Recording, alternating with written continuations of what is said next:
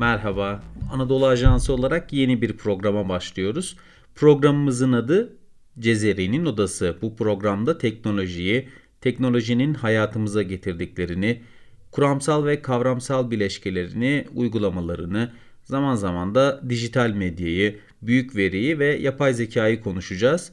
Bugün ilk programımızda ele alacağımız konu transhümanizm ve Anadolu Ajansı teknoloji muhabiri Kadir Günyol bizimle birlikte. Kadir hoş geldin. Hoş bulduk Sefa nasılsın? İyiyim teşekkür ederim. Sen nasılsın? Teşekkür ederim. İlk konumuz bugünlerde çok gündemde olan transhümanizm konusu. Transhümanizm konusuyla alakalı e, önce dilersen bir açalım. Transhümanizm nedir? Kimler konuşuyor bunu? Neden şu anda gündemde? Dilersen bir transhümanizmin bir e, tanımını bir yapabilir misin bize? Tabii. Şöyle başlamak lazım belki. Transhümanizm teknolojiyle çok, modern teknolojiyle, dijital teknolojiyle çok alakalı bir hareket. Teknolojinin imkanlarından faydalanarak insanın bedensel ve sosyal durumunun değiştirilmesi, tırnak içinde bir üst seviyeye aktarılması hareketi aslında bu. Belki etimolojik olarak da bakarsak trans enoki e, iyice değişme, ötesine geçme gibi anlamlar ifade ediyor. Humanizmin yani human, insancılığın ötesine geçmek, insanın e, ötesine geçmek gibi manalar taşıyor aslında. Bu şekilde özetleyebilirim. Peki bu insanın ötesine geçmek denilince zeka anlamında geçmek mi yoksa bedensel olarak geçmek mi yoksa hani bunu bütüncül olarak kapsıyor mu? Çok güzel bir soru. Aslında bu bütüncül bir hareket olarak bakmak lazım buna. Şimdi şu şekilde özetlersem herhalde doğru olur. Transhümanist anlayışı savunanlar, bilim adamları, entelektüeller insanı bir defa kusurlu bir yaratık olarak görüyorlar. Yani insan ölen, hasta olan, zaman zaman mutsuz olan, depresyona giren bir varlık. Bunlar insanın kusurları diyorlar tırnak içinde. Ve bunları aşmak için teknolojinin imkanlarını kullanma hedefindeler. E, bunu nasıl yapacaklar? İnsan bedenine e, yerleştirilen bir çip olabilir bu veya başka bir teknolojik cihaz olabilir. Bunlarla insanın uzun ömürlülüğe ulaştırmak, hastalıkların ortadan kaldırılması. Tabii bu anlamda gen e, çalışmaları çok önemli. Hastalıkların tamamen ortadan kaldırılmasını hedefliyorlar. Gereksiz acıyı ortadan kaldırma. Bu bir depresyon olabilir, mutsuzluk hali olabilir. Bunların üzerine çok çalışıyorlar. Ve bunların haricinde de insanın var olan bedensel bazı örnek vermek gerekirse göz gibi göz fotoğraf çekemiyor. Ama siz bir teknolojik cihazla bunu zenginleştirirseniz fotoğraf çekebilir ve daha üst tırnak içinde söylüyorum yine daha üst seviye bir göze ulaşmış olursunuz. Özetlemem gerekirse insanı sınırlı bir varlık ve kusurlu bir varlık ol- olarak görmeleri sebebiyle transhümanistler teknolojinin insan bedeninin içine girmesi gerektiğini savunuyorlar. Evet, bütünsel anlamda. Yani bu aslında insanı hem fiziksel hem de bilişsel olarak yeteneklerinin biraz daha artırılmasını öngören bir anlayış. Bununla ilgili ne tür çalışmalar var? Özellikle fiziksel çalışmalarla ilgili son bir haftada ya da bir iki haftada şey görmüştüm. Google'ın bir çalışması vardı. Daha önce de bununla alakalı başka bir teknoloji firmasının da duyma yetisinin artırılmasıyla alakalı bir çalışması vardı. Bunlarla alakalı çalışmalara ıı, varsa bildiğin örnekler verebilir misin? E, tabii ki burada e, en önemli isimlerden bir tanesi aslında Elon Musk. E, biliyorsun Neuralink şirketinin kurucusu. Neuralink şirketi evet. bir çip üzerinde çalışıyor. E, kısaca bir özet geçeyim bu çipi. Bu çip insan beynine yerleştirilecek bir çip. Çok ufak bir çip ve insan kılından daha ince kablolara sahip olacak bir çip. İnsan beyniyle e, çalışacak bu çip. Şimdi bu çiple Elon Musk bunu önce bir domuzun üzerinde denedi. Daha sonrasında bir maymunun üzerinde denedi. Yani bir maymuna bilgisayar oyunu oynatıldı bu çip ile. E, maymun herhangi bir e, aracı kullanmadan yani bir konsol vesaire kullanmadan bir kumanda kullanmadan bilgisayar oyunu oynadı bu çip sayesinde. Bu şu anda çok e, gündemde olan bir çalışma Elon Musk'ın ve milyar dolarlık bir yatırım. Bunun haricinde Apple ve Sony çok açık bir şekilde söylemeseler de transhumanizm üzerine çok ciddi yatırımlar yapıyorlar. Bunlardan örnek vermem gerekirse Apple ve Sony bir kontak lens üzerine çalışıyorlar. Ortak bir çalışma mı yoksa ikisi de ayrı ayrı çalışıyor? Hayır. Ayrı çalışmalar bunlar. Evet. İkisi de kontak bir lens üzerine çalışmalarını yürütüyorlar. Bu kontak lens ne işe yarayacak? Gözümüze taktığımız zaman bu lensi gözümüzle fotoğraf çekebileceğiz. Gözümüzle belki video kaydı yapabileceğiz. Bunun haricinde Google'ın geliştirdiği bir kulaklık cihazı var. İnsanın duyma yetisi belirli bir aralıkta bulunuyor. Bu kulaklık sayesinde insanlar daha keskin duyabilecekler. Belki ses seviyesinin altında ve üstündeki sesleri de duyabilecekler. Bunun haricinde Apple'ın yine bir gözlük çalışması var. Gözümüze taktığımız bu gözlük internete bağlanabilecek. Belki gözümüzle çektiğimiz fotoğrafları veya videoları evet. sosyal medyaya aktarabilecek. Şimdi burada seni çalışmak istiyorum. Apple'ın gözlük çalışması var demiştin. Daha önce de Google Glass yanlış hatırlamıyorsam üzerinden de bayağı bir süre geçti.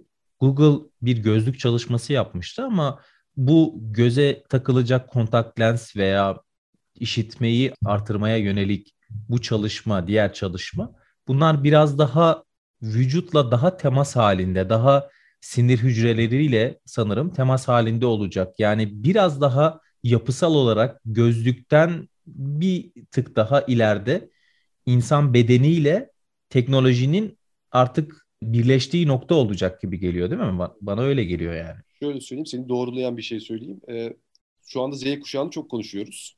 Ee, evet. Z tabii ironik bir şey, alfabedeki son harf. Aynı zamanda bu Z kuşağında son insan nesli olacağı söyleniyor.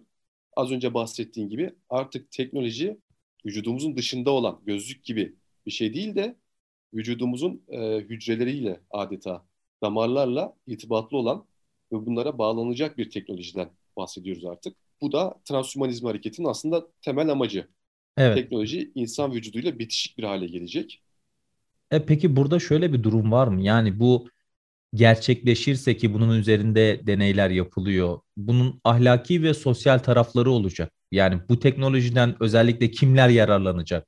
Önümüzdeki dönemde bir belki dijital burjuvazi oluşturacak mı? Yani daha üstün yeteneklere, daha üstün işitme yeteneklerine sahip olabilen, daha üstün görme yeteneklerine sahip olabilen kişiler en nihayetinde uzun zaman zarfında daha farklı, daha belki önde olacaklar, daha avantajlı olacaklar.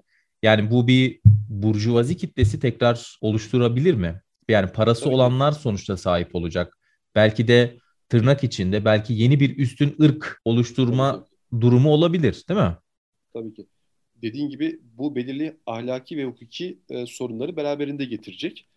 Ben burada e, sana bir soru sorarak aslında e, bu soruya senin cevap vermeni isteyeceğim. Singularity.net'in kurucusu Ben Görtsel diye bir girişimci var. O transhumanizm hareketinin insanların arasında nasıl bir mesafe yaratacağını bir örnek üzerinden açıklıyor. Örneğin bir çocuğunuz var, okula gönderiyorsunuz çocuğu.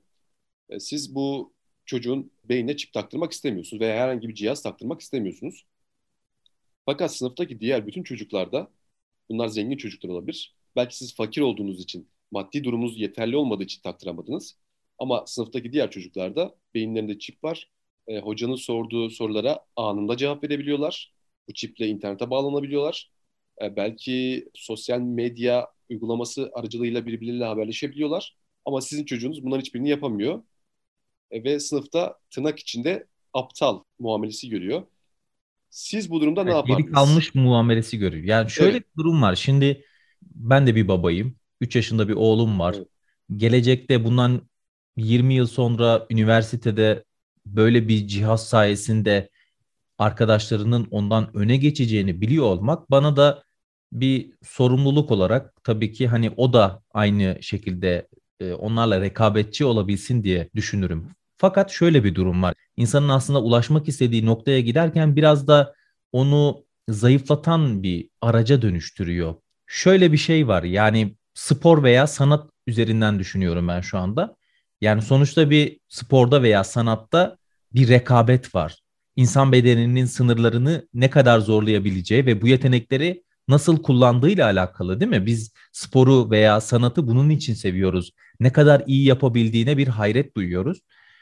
Burada rekabetçiliği tamamen ortadan kaldırırsa veya tamamen dış etkenler dolayısıyla bu eğitim üzerinden değerlendirilebilir iyi eğitim almış kötü eğitim almış olarak ama sonuçta ne olursa olsun bilgiye ulaşmak bizim elimizde ama bilginin kapasitesini ne kadar yönetebileceğimiz veya aldığımız bilgiyi ne kadar yönetebileceğimiz de bizimle alakalı bir durum. Ama bu ortadan kalkarsa bunu öğrendiği bir şeyi veya gördüğü bir şeyi hafızaya, zihnine İngilizce tabirle download edebilirse e, burada bir e, rekabetçilikten söz edilemez. Bu sefer dediğim gibi yine olay aslında üstün ve e, üstün olmayan daha doğrusu bu teknolojiye sahip olan ve olmayan olarak ayrışmaya başlayacak.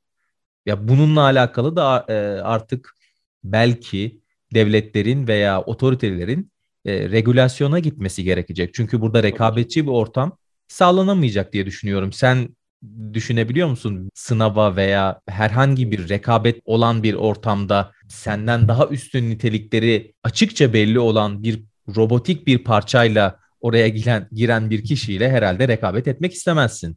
Tabii ki bu aslında şöyle bir şey. Ee, örneğin şu anda biz sınavlara giriyoruz. Ee, YDS de olabilir bu sınav. Bu YDS'ye bir kişi cep telefonuyla girip girmesi var. Bir de benim hiçbir teknolojik cihaz kullanmadan girmem var. E, tabii ki cep telefonuyla giren veya teknolojik cihazıyla giren benden daha yüksek not alacaktır. Bu aslında onun gibi bir şey. Tabii ki bu senin dediğin gibi insanlar arasında kesinlikle bir sınıfsal fark yaratacaktır. Ben böyle düşünüyorum. Bununla alakalı çok tartışmalı konular var. Çok e, güzel çalışmalar da var aslında. Bu konuyla alakalı bazı yapımlar var, kitaplar var. Bunlarla ilgili senin bildiğin transhümanizmi iyi anlayabileceğimiz veya iyi anlatan veya robot insan çağı gibi fütüristik olayları anlatabilen herhangi bir kitap var mı tavsiye edebileceğin? Tabii ki en son e, Mark Connell isimli yazarın Makine Olmak diye bir kitabını okumuştum. Türkçe'ye çevirisi var. O kitapta e, şunu anlatıyor. Bu transhümanizm hareketinin aslında sadece bir dünya görüşü, bir entelektüel hareket değil, aslında şu anda üzerinde çok ciddi yatırımlar yapılan bir proje olduğunu anlatıyor. E, yazar çalışmasını tamamlamak için özellikle Silikon Vadisi'nde şirketleri ziyaret ediyor. Transhümanizm üzerine yapılan çalışmaları anlamak için. Bu şirketlerden bir tanesi benim çok ilgimi çekmişti. Ziyaretini anlatıyor. Bu şirketlerden bir tanesi insan beynini tamamen bilgisayara aktarma üzerine bir çalışma yapıyor. Bu çalışmada insan beyni bir şekilde dijitale aktarılarak sonsuza kadar devam ettirilmesi planlanıyor. Bu ve bunun gibi çok ciddi çalışmalar özellikle şu an Silikon merkezli olmak üzere bütün dünyada devam ediyor. Bu, bu Elon Musk'ın bu Elon Musk'ın düşüncesinde de vardı sanırım. Hatta bu fi- filmde de işlenmişti. Elon Musk'ın bu Neuralink e, ile alakalı bir konuşmasında duymuştum bu fikri. Yani varlığını tamamen e, bilince aktarıp orada devam ettirmek öldükten sonra da. Lakin bu aynı zamanda bir de yapay bilinç tartışmalarına yol açan bir evet. mesele. Yapay bilinçle yapay zeka arasında bir de genel yapay zeka konuları var. Bunları bir sonraki programımızda daha detaylı olarak da işleyebiliriz. E, tabii Elon Musk demişken Elon Musk'ın e, çok radikal e, fikirleri var gerçekten bu konuda. İnsan e, neslinin devam etmesi için mutlaka yapay zeka ile birleşmesi gerektiğini düşünenlerden bir tanesi. Dolayısıyla bu anlamda Elon Musk'ın kendisinin Twitter adresini takip edilmesi bile insanlara çok fazla bilgi verecektir. Dilersen bir tane de Türkiye'den e, yapılmış bir çalışmaya örnek vereyim. Uludağ Üniversitesi'nden hı doçent doktor Ahmet Dağ. Onun kitabını da yine okudum. Transhümanizm isimli bir kitabı çıktı. O kitapta da transhümanizmin felsefi kökenler üzerine çok fazla bilgi edinilebilir. Hümanizmin ee, ne Ahmet, demek olduğu. Ahmet Dağ mı dedin? Profesör Ahmet Doktor Dağ. Ahmet Dağ. Evet. Ahmet Hoca'yı da yani inşallah e, iletişime geçelim. E, mümkün olursa bir programımıza da onu konuk alalım. Tabii. Onunla beraber transhümanizmi biraz daha detaylı bir şekilde de konuşuruz. Ee, o kitapta özellikle okuyanlara felsefik anlamda çok e, ciddi bir altyapı sağlar. Transhümanizm ne demek, posthümanizm ne demek, hümanizm genel anlamda ne demek ve bu hareketlerin nereden kaynaklandığı, aydınlanmayla olan ilişkisi üzerine felsefik eser diyebilirim. Ben de birkaç film tavsiyesi vereyim.